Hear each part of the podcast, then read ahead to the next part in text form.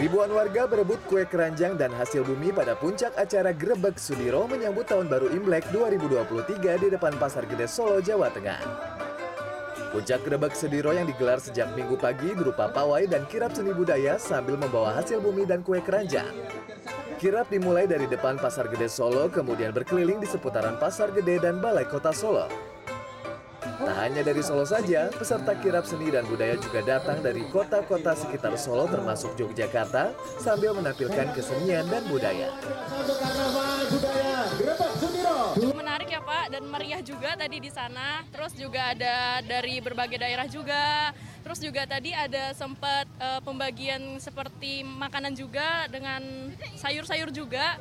Terus saya juga tadi dapat Sejumlah mahasiswa yang tinggal di Solo yang datang dari berbagai daerah juga menyajikan kesenian dan budaya dari daerah masing-masing.